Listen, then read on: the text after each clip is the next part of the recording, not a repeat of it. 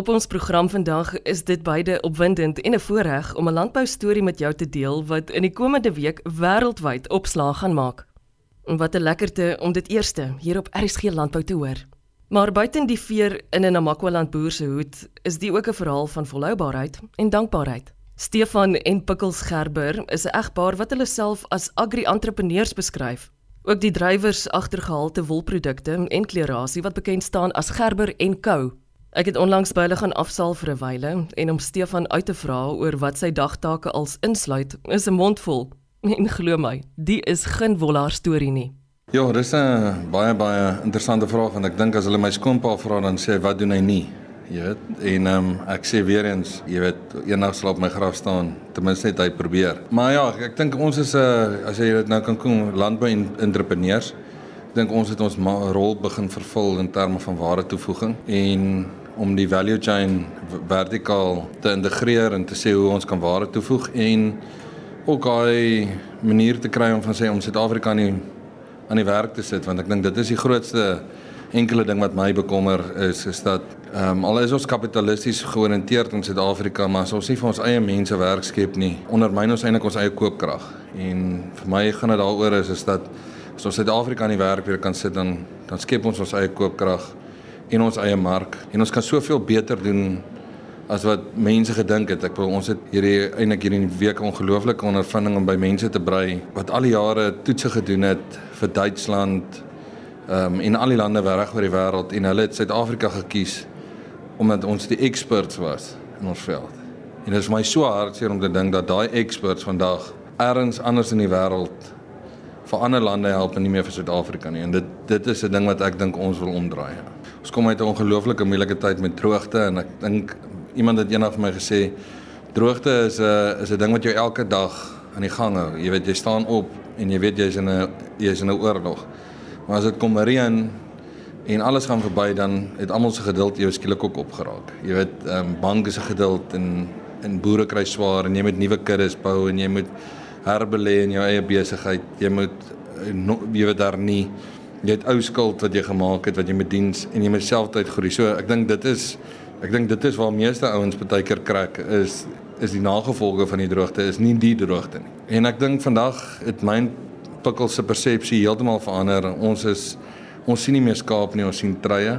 Ons weet dat vir ons gaan dit daaroor is om te sê is dit wat ons op die plaas doen met op die einde van die dag in 'n trei op einde en ons mense het daai filosofie aangeneem. Ek wil ek het toe ek begin boer het, was almal dorper meatmaster, dorper meatmaster en vandag is almal soos ek wil ook met 'n marine begin boer en ek dink nie dis omdat ek vir hulle probeer indoktrineer om te sê hulle moet dit boer nie, dit is ek dink hulle sien dat hulle deel is van 'n baie groter prentjie, ja. So ons het 'n woelige rooi koppie Attie en ehm um, ja, dit is vir my ek dink vir enige pa is dit lekker om te sê te, jy weet hy het 'n seun wat ook belangstel in wat hy doen. En dan ons uh, dogtertjie wat nou 5 maande oud is, Emma, Sofia wat vernoem is aan my skoonma en twee ongelooflike maklike kinders, vriendelik en ek dink ons support netwerk is is vir ons van onskatbare waarde. My ma en my pa, my skoonmense. Ja, so ek dink dit is kom maar net weer terug na Gerber en Co se community dink. Almal is deel van ons community en en almal glo dat ons binnekort bietjie ons vlerke gaan sprei. Ons sal seker nou daaroor praat, maar ek dink ons almal is verheug vir ons vandag is. Al is dit nog steeds moeilik in die tye wat ons onsself bevind as 'n as 'n upstart, as 'n jy weet 'n amper wil ek sê 'n revolutionary want dit word nie gedoen in ons bedryf wat ek in Pickles doen nie en dis 'n baie keer 'n baie alleen pad want jy kan nie al, altyd gaan benchmark teen iemand anders om te sê hoe het jy dit gedoen en as jy dit wil doen in hierdie bedryf van ons ehm um, mense deel nie graag hulle geheime nie. So ek dink as jy in die groter prentjie van die wêreld kyk, daar's baie min vertikaal geïntegreerde besigheid wat from sheep to shop doen soos wat ons dit doen. En ehm um, ek dink daai filosofie van het van ons Kaapse rug tot jou Kaap rug het ons wil ek nie sê amper volmaak nie, maar ons het dit reg gekry om om vir jou die storie deur ons winkels te vertel soos wat dit op die plaas gaan. En ek dink die feit dat ons die oesjaar verwysing na Australië het en ons bring my oupa se se lewensmotto's deur van as jy arm is koop diersame goed wat vir jou lank moet hou want mens mors nie. Alles wat hulle gedoen het tot op hede as hulle beskuit maak of mosbolle maak of enigiets, skynskoek, dis goed wat met hou het ons teruggebring in Suid-Afrika en sê moenie vaskyk in die prys nie. Skryf dit liewer oor 20 jaar af en dan dink jy is beter. So ek dink dit is die uniekheid wat ons het en dan en ek wil as jy vat die potensiaal wat die wolbedryf en die, die verwerking van wol in Suid-Afrika het. Jy weet 10 jaar terug was daar 42 breiaanlegte in die Kaap gewees, daar's 2 oor of 3 oor. En al 3 daai 42 het ten minste 150 mense aangestel. Dis weg om dit weer terug te bring en daai tannie wat gedink het sy het nie meer hoop en sit in Kaapstad en sê ek het vir 40 jaar treie gemaak en nou het ek nie meer werk nie. Wat kan ek anders doen? Daai bietjie van kom help ons jou bietjie. Kom stap jou brein.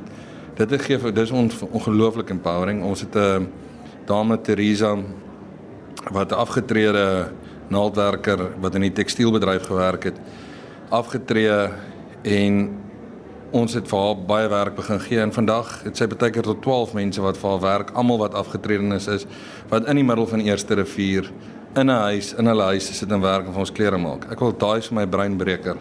Oomblik en dit is vir my baie keer ook 'n emosionele ding want ek wil jy kan sien hoeveel dit vir hulle beteken want al is dit nie gaan dit vir hulle oor so oor die van finansiëel nie, maar is dit iemand hulle breinkrag nog as waarde sien, jy weet. So dit is waar maar waar ons onsself ek dink vandag sien. Vir ons gaan dit daaroor is, is is dat die wêreld waarin ons vandag lewe, al is dit fast fashion, fast life. Kyk baie min mense vandag terug en gaan sê is luister wat wat draak? Waarvan af kom dit en wat is die impak wat ek dra vandag? Ja, ek wil baie mense dink oor wat hulle kos hulle eet en Ek wil ek wens baie keer mense kan oor fashion wees soos hulle oor 'n keto diet is. So streng gedissiplineer en sê luister ek eet nie hierdie ding nie en ek eet nie daai ding nie. Toevallig is ek op eene. En vir my was dit net soos ek kom net agter dat ek wil jy het die dissipline in jouself, maar as ek vandag vir mense kan sê is dit wat jy dra kan môre kunsmis vir 'n boom wees.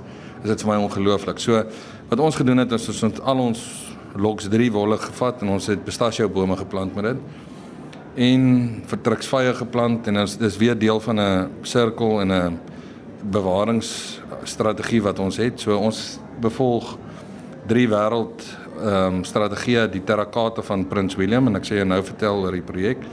En dan het ons die iScore wat ons deel van is, een van die eerste um, ekstensiewe boere wat iScore doen. En dan het ons opvisie die RWS en dan die bedryf se volhoubaarheidsstandaarde.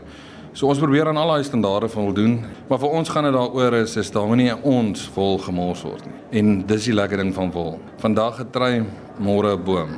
So ja, ons is in 'n baie baie baie bevoordeelde posisie en dit is eintlik nog so 'n bietjie van 'n staatsgeheim. Campaign of Wool wat deur die custodian daarvan is is King Charles En ehm um, hy het 'n ongelooflike passie vir volhoubaarheid, volhoubaarheid, boerderye, die omgewing impak. Hy's 'n ongelooflike ou as dit kom by climate change en en al hierdie goed.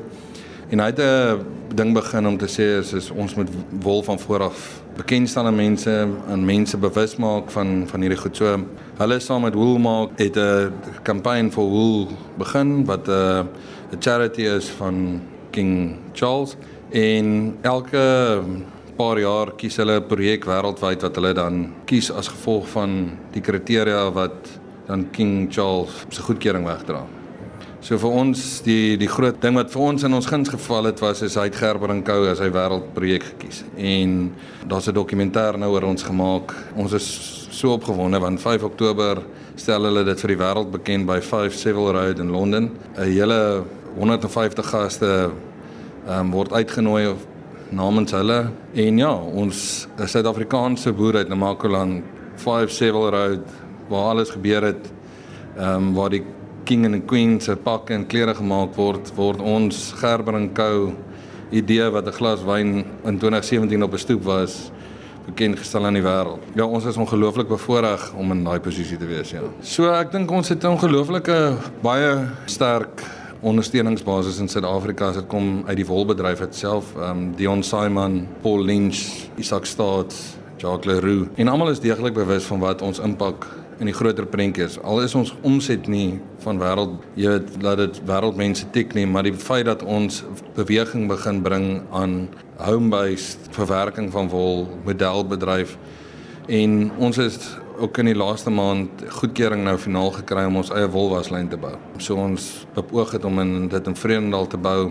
Wat sal dan nou beteken dat ons die totale waardeketting besit en verwerk en ons kan dan fokus op ons lanonine reekse, op die wolveld, vir hoede, vir dakisolasie, ons eie treie, want dit was ons grootste op en hou vir groei op die oomblik gewees is. Ons kan nooit as wol gewas het nie. So ons sit nou nog met ons verlede jaar se wol en hierdie jaar se wol in store wat ons net nie kon was nie en, en ons het gelukkig, maar ons is nou ons het nie meer wol nie. So ons gare is op, so ek wil en ek kry ongelooflike druk vir die dame oor kan die tafel baie kan sê wanneer het ons weer treie want ons sizing is hier reg nie. So, maar ek wil vir ons was dit is dit net een groot storie van ons is so dankbaar en ons so geseënd maar ek dink die mense weet in die agtergrond hoeveel harde werk is in hierdie projek in nie en ek ek is baie dankbaar dat iemand soos King Charles dit raak gesien het om te sê ek sal vir jou 'n platform skep om jou produk wêreldwyd te launch. Ja. Ek het vir Pickles vandag gesê sy moet bietjie haar knie oefen en sy net mooi kan buig. Ek sal definitief nie 'n pen op sy tafel neersit nie. So so ek sal my liewer sy try gee as 'n pen, ja. Ek wil vir ons is die grootste deel, jy weet as jy nou King Charles vat en ek jy vat alles wat die wat die hoe die koninklik is beleef en ek wil hoe die goed waar en mense wat aan hulle lewer nagegaan word, die kwaliteit en die voorreg wat dit is om produkte aan hulle te lewer. So ons was deur 'n baie streng proses gewees ook waar hulle ons kwaliteit van ons treie moet kyk en ek wil hulle kan nie glo dat Suid-Afrika sulke treie maak nie. Soos ek weer eens sê, dit was vir ons, ek wil ons idee van trei maak was skeer die skaap, was die wol, brei die trei en dit gaan en dit is glad nie die dit is eintlik glad nie hoe dit werk nie. En ek daar sekere norms wat moet gevolg word. Daar sekere standaarde wat moet gekyk word. My skaapteeling moes verander. Ek moes gaan my hele boerdery reinvent om te kyk dat ek seker maak dat ek die regte tipe wol op die skape se ry het om hierdie kwaliteit trei te maak en ek wil om by hulle te hoor om te sê is kan nie glo dit kom uit Suid-Afrika uit nie was vir ons eintlik 'n baie groot veer in ons eie hoed. En saam met dit het ons ook 'n bietjie ons vlerke gesprei en ons het met BKB wat Cormerino besit wat gebruik maak van die Neoyan tegnologie en die Neoyan tegnologie is basies sportaktiewe klere wat van wol gemaak word wat 100% wasbaar is en um, ons het in 1 September hierdie jaar het ons tot ooreenkoms gekom dat Gerber Co dan nou Cormerino ook oorneem dat dit die wolklere segment word. So ek dink as ons onsself nou kan beskryf is as jy van wol praat en wolklere praat in Suid-Afrika dan praat jy dan is Gerber en Co die plek om na toe te gaan.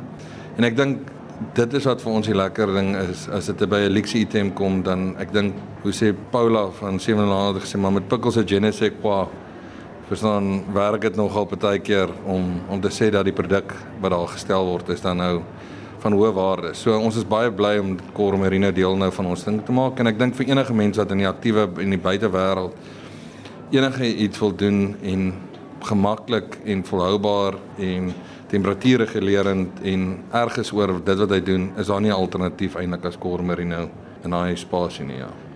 So ek dink ons ons as Gerwin Kou wil ook vir die mense wat ons gehelp het om te toe kom waar ons vandag is, net dankie sê want ek dink daar's soveel gebeure in Skietgebed en ons is so trots op julle vir dit wat julle bereik het en goedjies boodskappe wat na ons gestuur word. En ons kom nie gewoonlik by daai uit nie en dan sal ook 'n klomp mense wat baie keer moes gewag het bietjie vir geld en en ons groeipyne moes deurgegaan het, maar ek wil die verstaan van mense waarmee ons besig het is is enorm en ek wil ons dra dit na ons hart en ons wens dat ons dit aan almal kan eendag terugbewys om te sê ons het ons het geglo in wat ons doen. En dan ek dink jy weet aan die ander kant is as jy kan daar soveel kritisie buitekant van wat mense die persepsie wat mense het van klere en die wolklere en ek dink vir my gaan dit daaroor is dit gaan nie of dit klere is of is 'n staaldrom of die dingetjie wat jy by die huis kan maak nie, maar Suid-Afrika moet aan die werk kom. Ons het bly nou 'n ongelooflike land en ons het ongelooflike geleenthede, maar dit is van ons om 'n verskil te maak want niemand anders gaan daai verskil vir ons kan beteken nie. En ja, ek skerper en kou 'n paar mense kan inspireer deur hierdie pad wat ons gevolg het, dan voel ons dit is ons reg en verdienstelikheid om te sê dit is wat mense vir ons gedoen het en ons wens ons kan dit vir ander mense weer teruggee na Makwaland boere en nou internasionaal bekroonde vervaardigers van wolprodukte. Gerber en Co woeker onder dankbare leiding van Stefan en Pickels Gerber. Hierdie is 'n goeie nuus landbou storie waarvan jy nog baie gaan hoor. Deel dit gerus ook met iemand anders na 'n besoek aan die webtuiste van RSG. daarmee wens ek jou ook 'n wonderlike Saterdagmiddag waar jy jou ook al bevind in die mooi land van ons. Van my, Eloise Pretorius, groete tot volgende keer.